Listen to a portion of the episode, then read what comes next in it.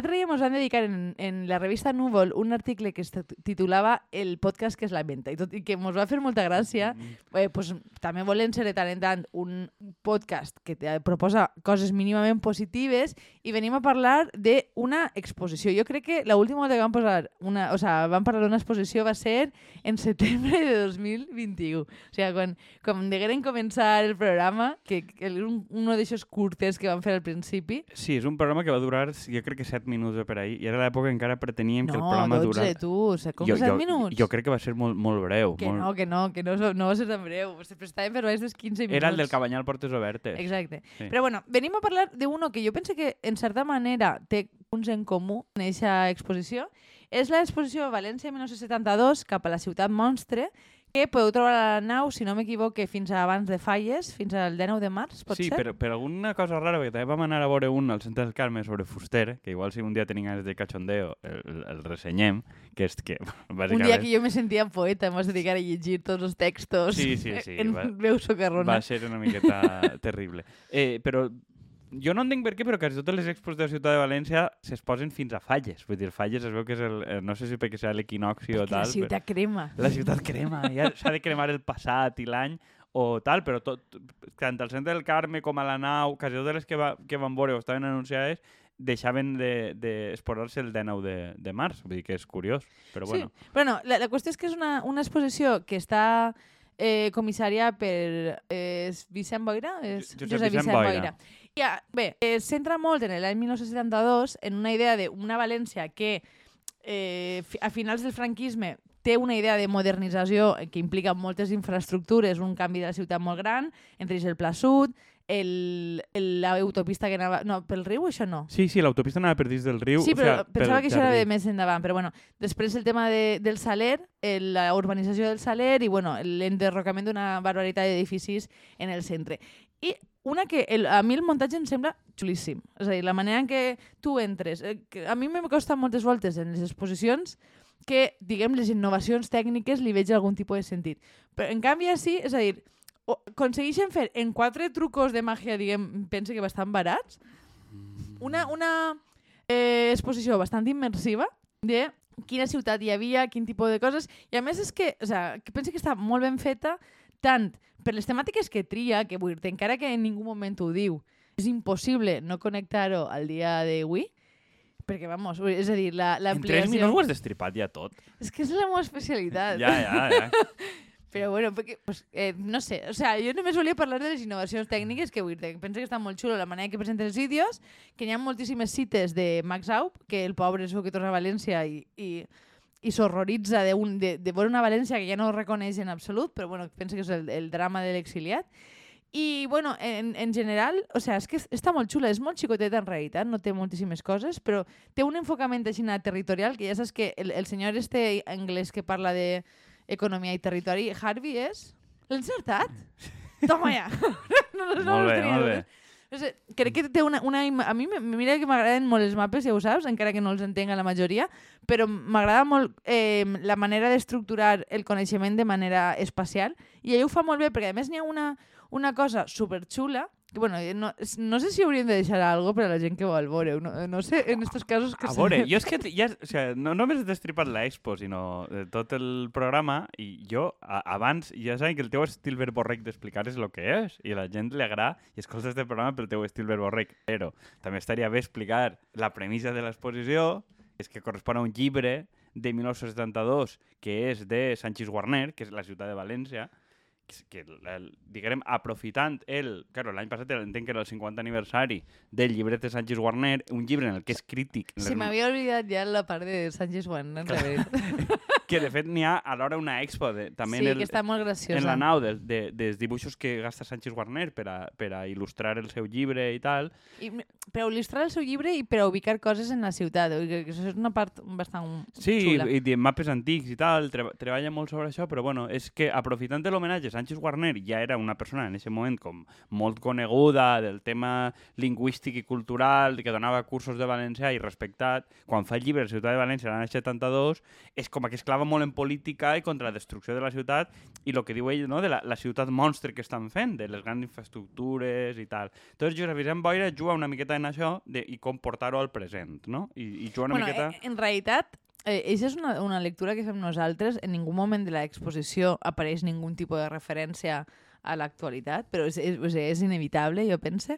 I, bueno, eh, o sigui, des d'un punt de vista de lo que són les exposicions, jo, saps que m'he queixat moltíssimes voltes de que és molt difícil trobar programació cultural i museística que tinga algo de rellevància territorial. És a dir, es- planteja la, la idea d'una espècie d'art globalitzat que o, o, o, l'alternativa és o bé les coses que va comprar l'Ibam quan estaven eh, fundint-se diners a Mansalva o bé una espècie d'art itinerant que moltes voltes no té ningun tipus de, de relació al territori. No? I a, a mi veure una cosa que està localitzada, que damunt té sentit perquè n'hi ha hagut algun tipus d'homenatge important i damunt, en un moment social, polític tan delicat en, en la ciutat que tenim i cap a on avança, vull dir just després de moments de pandèmia que la ciutat torna a, in a iniciar este camí cap a la ciutat monstre per segona, tercera o quarta volta, crec que, o sigui, probablement és de les coses que més m'han agradat en un museu, molt, molt a diferència del que fan en Fuster, que és una espècie de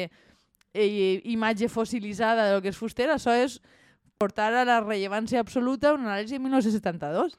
Sí, a veure, va, la, la, la, aquella que vam anar a veure de Fuster, és que realment jo crec que no val ni un programa perquè és exactament tot el que diem el programa de Fuster plasmat sense haver-ho vist. O sigui, sí. A més, una cosa, no et pareix super creepy que s'utilitzi tant la cara de Fuster? O sigui, és com l'ego, tot el rato la seva cara per tots els llocs. sí, que de fet, lo, lo millor, si te'n recordes, quan vam veure en les, les targetetes d'ella on apuntava les seves idees. Molt, Que, eh, que, ve- que ves una miqueta la, la persona en cru, vull dir, de, de, té unes reflexions i dius, vale, igual m'aproximaria més a, a la forma de pensar. a, I, me- a més, és que és a dir, una, una imatge tan desproblematitzada d'ell, de mm, temes conflictius, com el fet de que escriguera en castellà, apenas apareix, el tema de les seves opinions polítiques... Eh, crec que està molt, molt des, descontextualitzat, molt, és una dicciona molt blanca i és absolutament el contrari de lo que a mi em sembla la, la exposició de... A veure, jo crec que Josep Vicent Boira és una de les persones més intel·ligents que n'hi ha, ja no a la ciutat de València, sinó al País Valencià. O sigui, avui en dia està, crec que està de comissionat del Corredor Mediterrani, o sigui, és el que coordina tot el tema dels projectes i obres del Corredor Mediterrani, el Ministeri de Foment,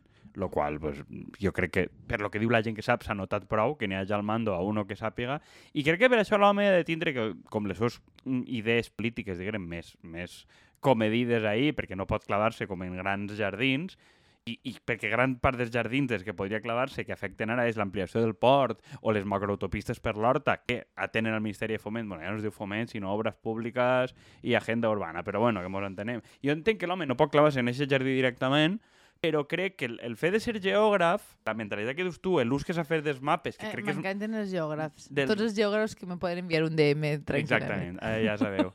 eh, crec que l'ús que fa dels mapes, de les fotos i la manera en què connecta, crec que està fet amb molt de gust. Els, les pròpies fotos en els fragments, i en els fragments, el que dius tu de Max Aup i altres, crec que mesclant molt bé, des de coses que són com les exposicions regionals, eh, les promos de taronja, no sé quantos que fan, que són art de l'època, que està contextualitzat, que veus l'època, en Sí, bueno. fragments, trossos, fotos, I, I també és a dir que posa fragments de la pròpia pu publicitat franquista dels esdeveniments, de si anaven els frares... No, els frares no, o sigui, era una... era un congrés eucarístic, que m'ha fet molta risa. Sí, no sé, a, a mi aquesta conjunció de, lo diguem, el llenguatge oficial i el d'una persona que té una visió externa em pareix molt xulo. El que estava dient abans de, de tallar-me, però que vaig a dir igual, o sigui, que és una de les coses que més, que més em va agradar a mi. és que ara ja ho hem contextualitzat, però almenys per què, qui ho l'ha fet i, qui, i de per què Bueno, és eixa- l'Expo. Pots dir-ho, no n'hi ha problema. O sigui, Bueno, no em facis riure, que si no, no acabarem mai. Però bueno, hi ha una, una mapa que, un mapa enorme que realment està fet en un tauler de fusta en el que hi ha numerets que corresponen a edificis que van estar eh, derrocats entre 1940 i 1980. I apareix un, el nom i la foto al costat o el, el projecte, perquè n'hi ha alguns que no, que es van tombar sense foto. I una de les coses que pense curiosa de, de l'exposició és que hi havia com dos perfils de públic absolutament dispars. Un eren nosaltres, que entenc que es correspon al, al públic progre, eh, més... Eh, politiquero. més politiquero, exacte.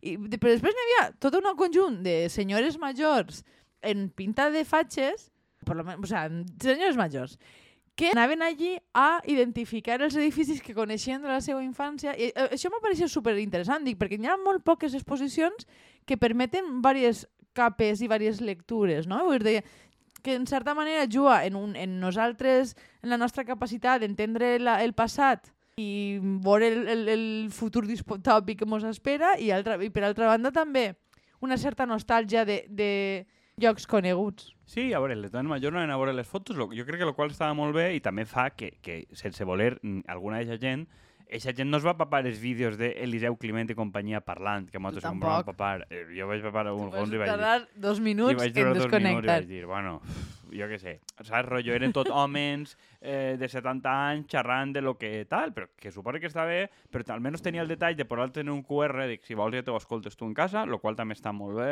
eh, deixar-te el, el Tu material... te'ls has escoltat de casa? Eh? Eh, no, no, però bueno. Qui va gastar també un QR pels àudios? La teua magnífica expo. Mira, Deberies- jo, jo vaig començar antes de que s'estilara. de, de s'estilara enviar a la gent en un QR a un altre puesto. Jo crec que això est- estava bé i crec que el que diu s'exemplifica molt la banda sonora, que eren dos coses. I te'n recordes? Era Raimon i Nino Bravo.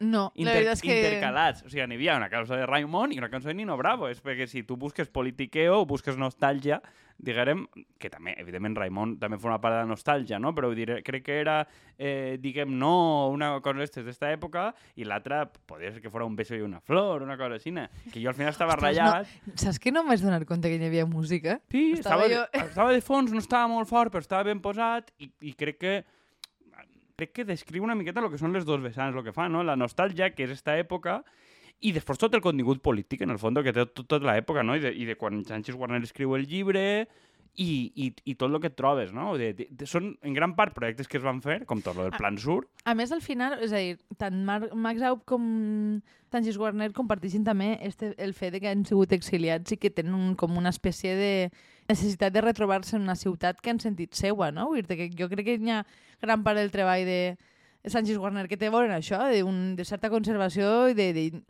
lluitar per el patrimoni, el qual, am, am, és a dir, fer este paral·lelisme em sembla bastant interessant, la veritat.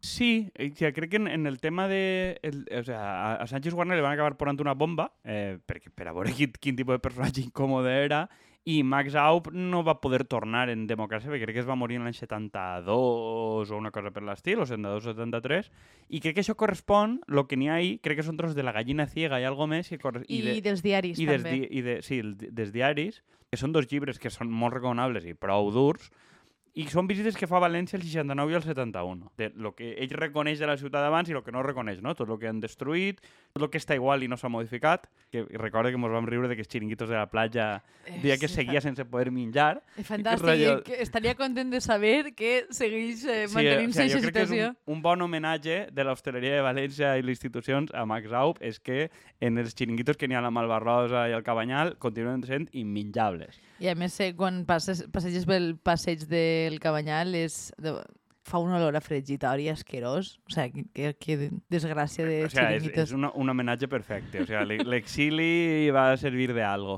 Però, claro, es- esos trossos, i, i, i crec que té uns trossos molt... eh, Crec que són molt il·lustratius, no?, de què significa la globalització i tal, i crec que n'hi havia uno que, que, que vam, vam, si te'n recordes, vam estar mirant uno que dia que les institucions convençaran a la gent que és culpa dels escriptors i la gent de la cultura Ui, si no el problemes. recorde. Sí, n'hi ha uno que, a veure si... El, el... Trobo perquè crec que vaig fer una foto, ja ho posarem en el fil de Twitter o No, algo. en Instagram posarem alguna fotet També. de la expo, probablement. I, I era graciós perquè crec que d'alguna manera indica pues, tendències que s'han donat, no? Vull dir que, que crec que eh, veu molt el que va passar en l'època més del PP i tot això, de el, el contraprogreso des de la cultureta, lo guai és l'ultraciment i tal, no? Ell, ell com apunta aquestes tendències que veus que es, que es perpetuen. Bueno, I- pues com el PSOE ara. Exacte. El progrés és el cement. De fet, en La gallina ciega i en els diaris parla molt també de València, de la dependència de l'hostaleria que n'hi ha hagut, que és, és fort perquè un, coses de sentit de 70 són com molt visionàries. Però és que vull dir, això és la gràcia de l'exposició, que és el que no et diu. Són com... N'hi ha moltíssimes...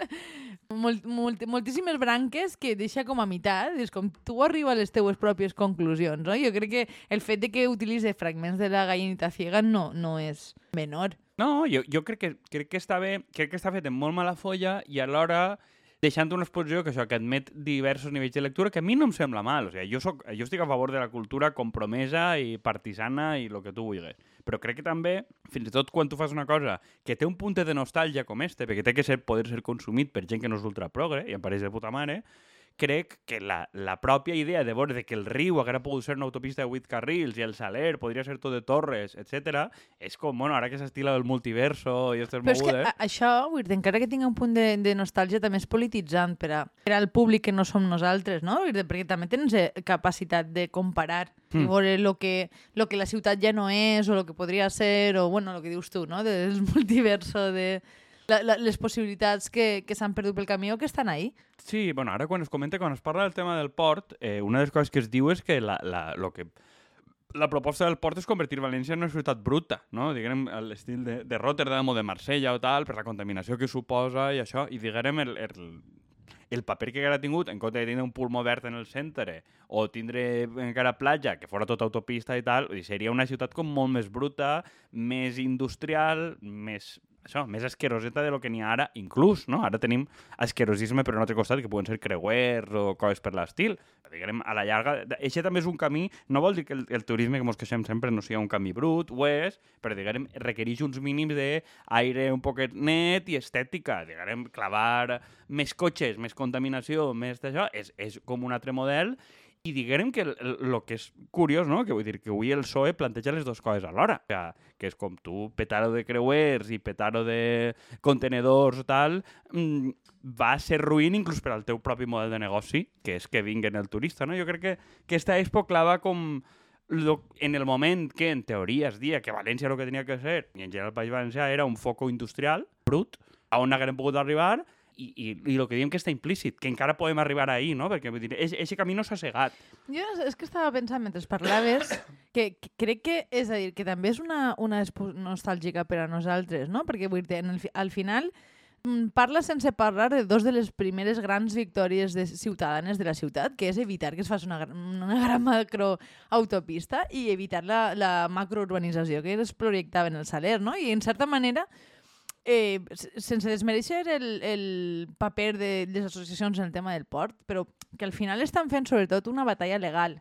O sigui, que ja no tenim aquesta capacitat de plantar-nos, diguem, no sé, com, com fer el, eh, les causes concretes part de tot. No? I és una, una cosa que jo trobo a faltar, també trobo a faltar en la universitat, és a dir, ara que passe molt de temps en la universitat no com a estudiant, sinó com a altres coses que a definir, eh, la sensació de que la gent està molt, molt eh, sola i molt, en molta poca capacitat de socialitzar en, en termes mínimament polítics, no? El tema del, jo què sé, el, el voluntariat lingüístic, les associacions, en comptaven companyes que treballen que és molt difícil fer-los fer algo que no, desinteressadament, saps? Algo que, que, que fins i tot són capaços d'anar al rectorat per a que tomben la, i, i la, la sensació de que, que esta falta de, de unió comunitària en, en objectius concrets és una cosa que després es tradueix, o sea, no és només la universitat, sinó que en general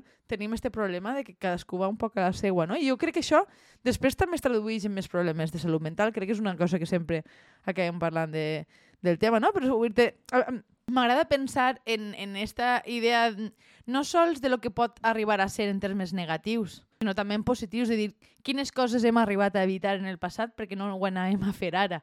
Saps? Ho dic sí, perquè, jo bueno, crec... no, és que si no acabarem una cosa que veníem a plantejar en termes molt positius, me la tornem a portar al camí de la foscor. Bueno, això, el, quan vam anar a la, la Cabanyal Portes Obertes, la idea que vam tindre originalment, al anar a veure-ho i parlar-la, era un poc això. O sigui, anava, anava un poc de lo mateix. Per això que jo pensava que eren complementàries, en el fons. Sí, sí. És, és complementari perquè el, el, el que es va fer al Cabanyal, que era una miqueta de, de a través de la intervenció cultural i artística, parlar del, parlar del propi moviment, i el que vam dir al seu moment és que faltava, o mos faltava la idea d'una projecció al present de lo que estava passant, de, del Cabanyal, postpla del Cabanyal, bueno, si està més o menys Lo que està passant, per exemple, és que el Cabanyal íntim ha parat, ja no existeix com a... Però, això, S'ha no? sempre és un descans i, i ha evolucionat. Ja no té, ja no té punt de vista tan reivindicatiu que tenia a l'inici, ni, ni el... Ni el és a dir, s'ha fet més una proposta cultural, el qual segueix sent interessant i penso que és molt diferent que la resta, però s'ha distanciat molt de la idea de guerrilla cultural que era al principi, saps? Sí, igual perquè no n'hi ha molt de material, perquè molta gent ha parat, alguns,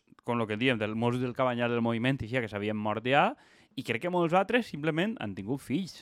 Que el barri ha canviat i ja no està la mateixa gent. ja no està la mateixa gent, però que mo molta gent dels activistes, dels que pensem de fa 10 anys, de tal, molts, com a que nosaltres coneixem, han tingut fills o el que siga i han desaparegut de l'escena. I, i, i, I això és un fet. Crec que Bueno, la meva expo anava una miqueta d'això en el sí, seu moment. Sí, Sap greu. No, Sempre acabar... haurem de tornar a enllaçar, encara ho tens tot en la web, no? Jo que ho tinc quasi tot. La Vale, pues, jo crec que l'enllaçarem perquè ja està bé de fer propaganda i que no, almenys que et genere visites i ja que pagues el domini. Eh, Ai, no sé si val la pena, sí, però bueno. sí que val la pena.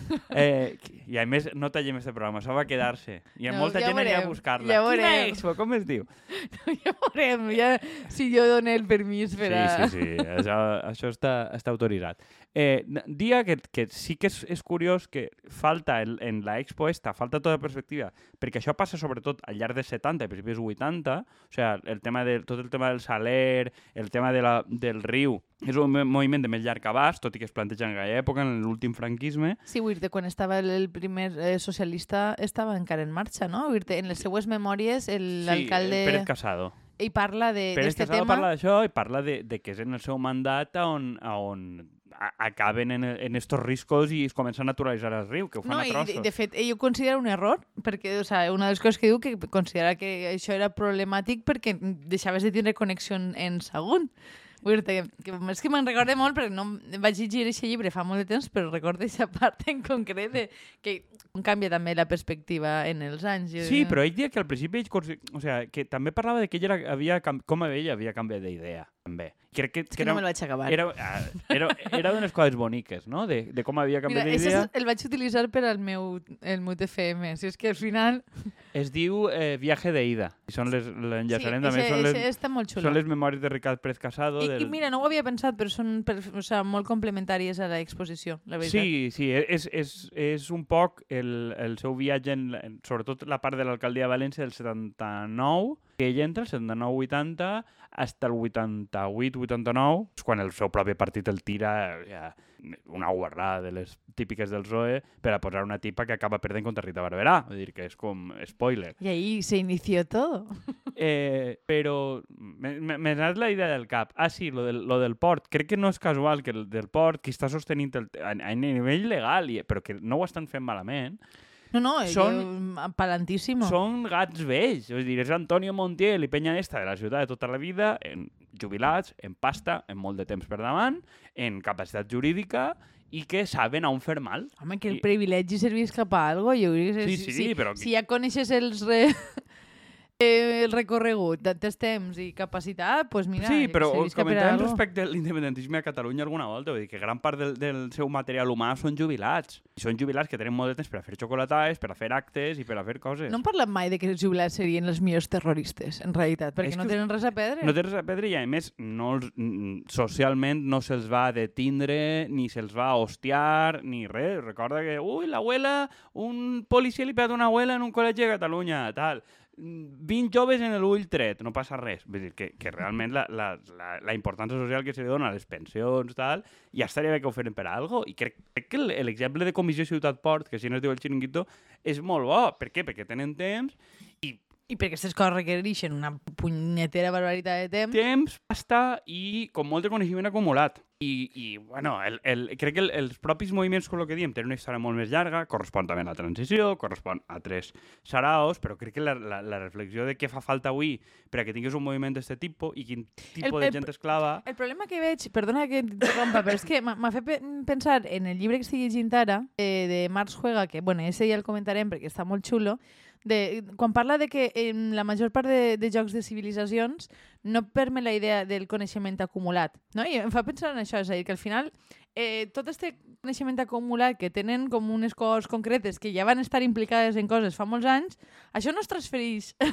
no baixa aquest coneixement. Entonces, en certa manera, has de començar de zero i si trobes en un moment regressiu com el que tenim ara, estàs en, en bolquers. O sea, has, realment has de començar co- o sea, com, si, com si no haguera passat res anteriorment, una pèrdua, una pèrdua de capital social i de coneixement Home, però, però, que, importantíssima. ja, però és que nosaltres també sabem per experiència que aquesta gent és difícil de tratar. Ja. no, vull dir, que, que la, la mateixa experiència Ja. d'aquesta gent en Podemos o en Compromís, etc que ha sigut com jo sé, els joves no tenen ni puta idea, em toca a mi... Ja, però és una dir, putada, perquè sí que hi ha coneixement allà. Ho dic perquè, no, mira, no, nosaltres que, que hem militat en associacions en la universitat, eh, resultava absolutament frustrant quan de repente tenies un muntó de gent nova i com a que la gent major se n'havia anat. És com començar de zero, a l'altra volta. La sensació de, de no, haver, no, no aconseguir, en certa manera, retindre el coneixement.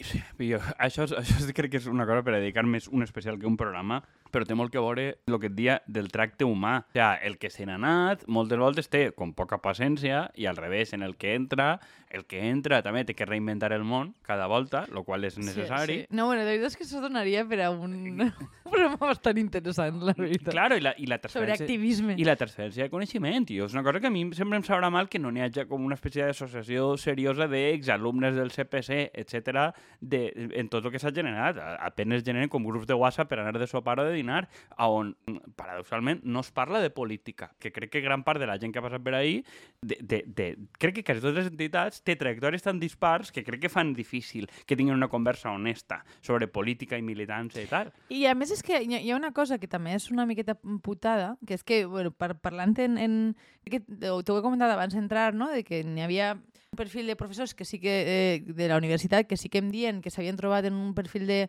fragilitat dels seus alumnes emocional molt gran i jo tinc la teoria de perquè s'han fet adults sense ningun tipus de, de comunitat de suport, ni objectius polítics, ni, ni, ni sensació de que les coses vagin anar a millor, el qual jo penso que és una de les coses que més devastadora resulta, però eh, ja he perdut el fil. Què estava parlant? Bueno, no, no sé. De, del- de, de la gent que entra i la continuïtat, estaves dient. No? De, que, de que la gent és molt fràgil. Sí, però no sé, lo que, no sé on anava. Bueno, eh, podem resumir-ho, per, jo dic per anar tancant, que mos queden tres minutets, eh, si vols enllaçant en el principi, perquè mon hem anat a un puesto molt llunyà. Ah, no, vale, ja sé el que volia Ah. dir. O sea, volia dir que com a que no han après a fer coses de, de manera desinteressada, però els que sí que ho van aprendre, molts ho estan desaprenent. I aleshores estem anant molt en, en la mateixa direcció i em sembla com... Ah, però és que tu pensa que tu has après a fer coses en un entorn més o menys militant o compromès o tal, però després la resta de la teva vida vas a passar-lo en 9 de cada 10 persones i parla en un entorn de treball, parla de l'escola en la que portes els crios, parla de la família que està dient tu mira per tu, que ningú mira per tu. Vull dir que el, una persona militant en un bagatge militant mm, també li estem demanant, en certa manera, que siga un heroi o heroïna i no escolte el seu entorn, perquè el seu entorn el que demostra tot el rato és tu cobra, tu guanya, tu esclafa els altres i ja està. I això és el que et dirà la majoria del teu entorn com una espècie de coneixement comú acumulat de lo que és la societat. I entonces, jo dic també enviem a la gent el que diem sempre de com a agents secrets. O sigui, tu estàs enviant agents secrets esperant que passar 30 anys en el capitalisme yanqui no deixen de ser comunistes. Ja. pues, mm, és molt fàcil que diguen, hòstia, jo he vist bé en les afores i tal, que le jodan a la URSS. És que si, creguera que la gent viu bé, però bueno, això és una altra cosa.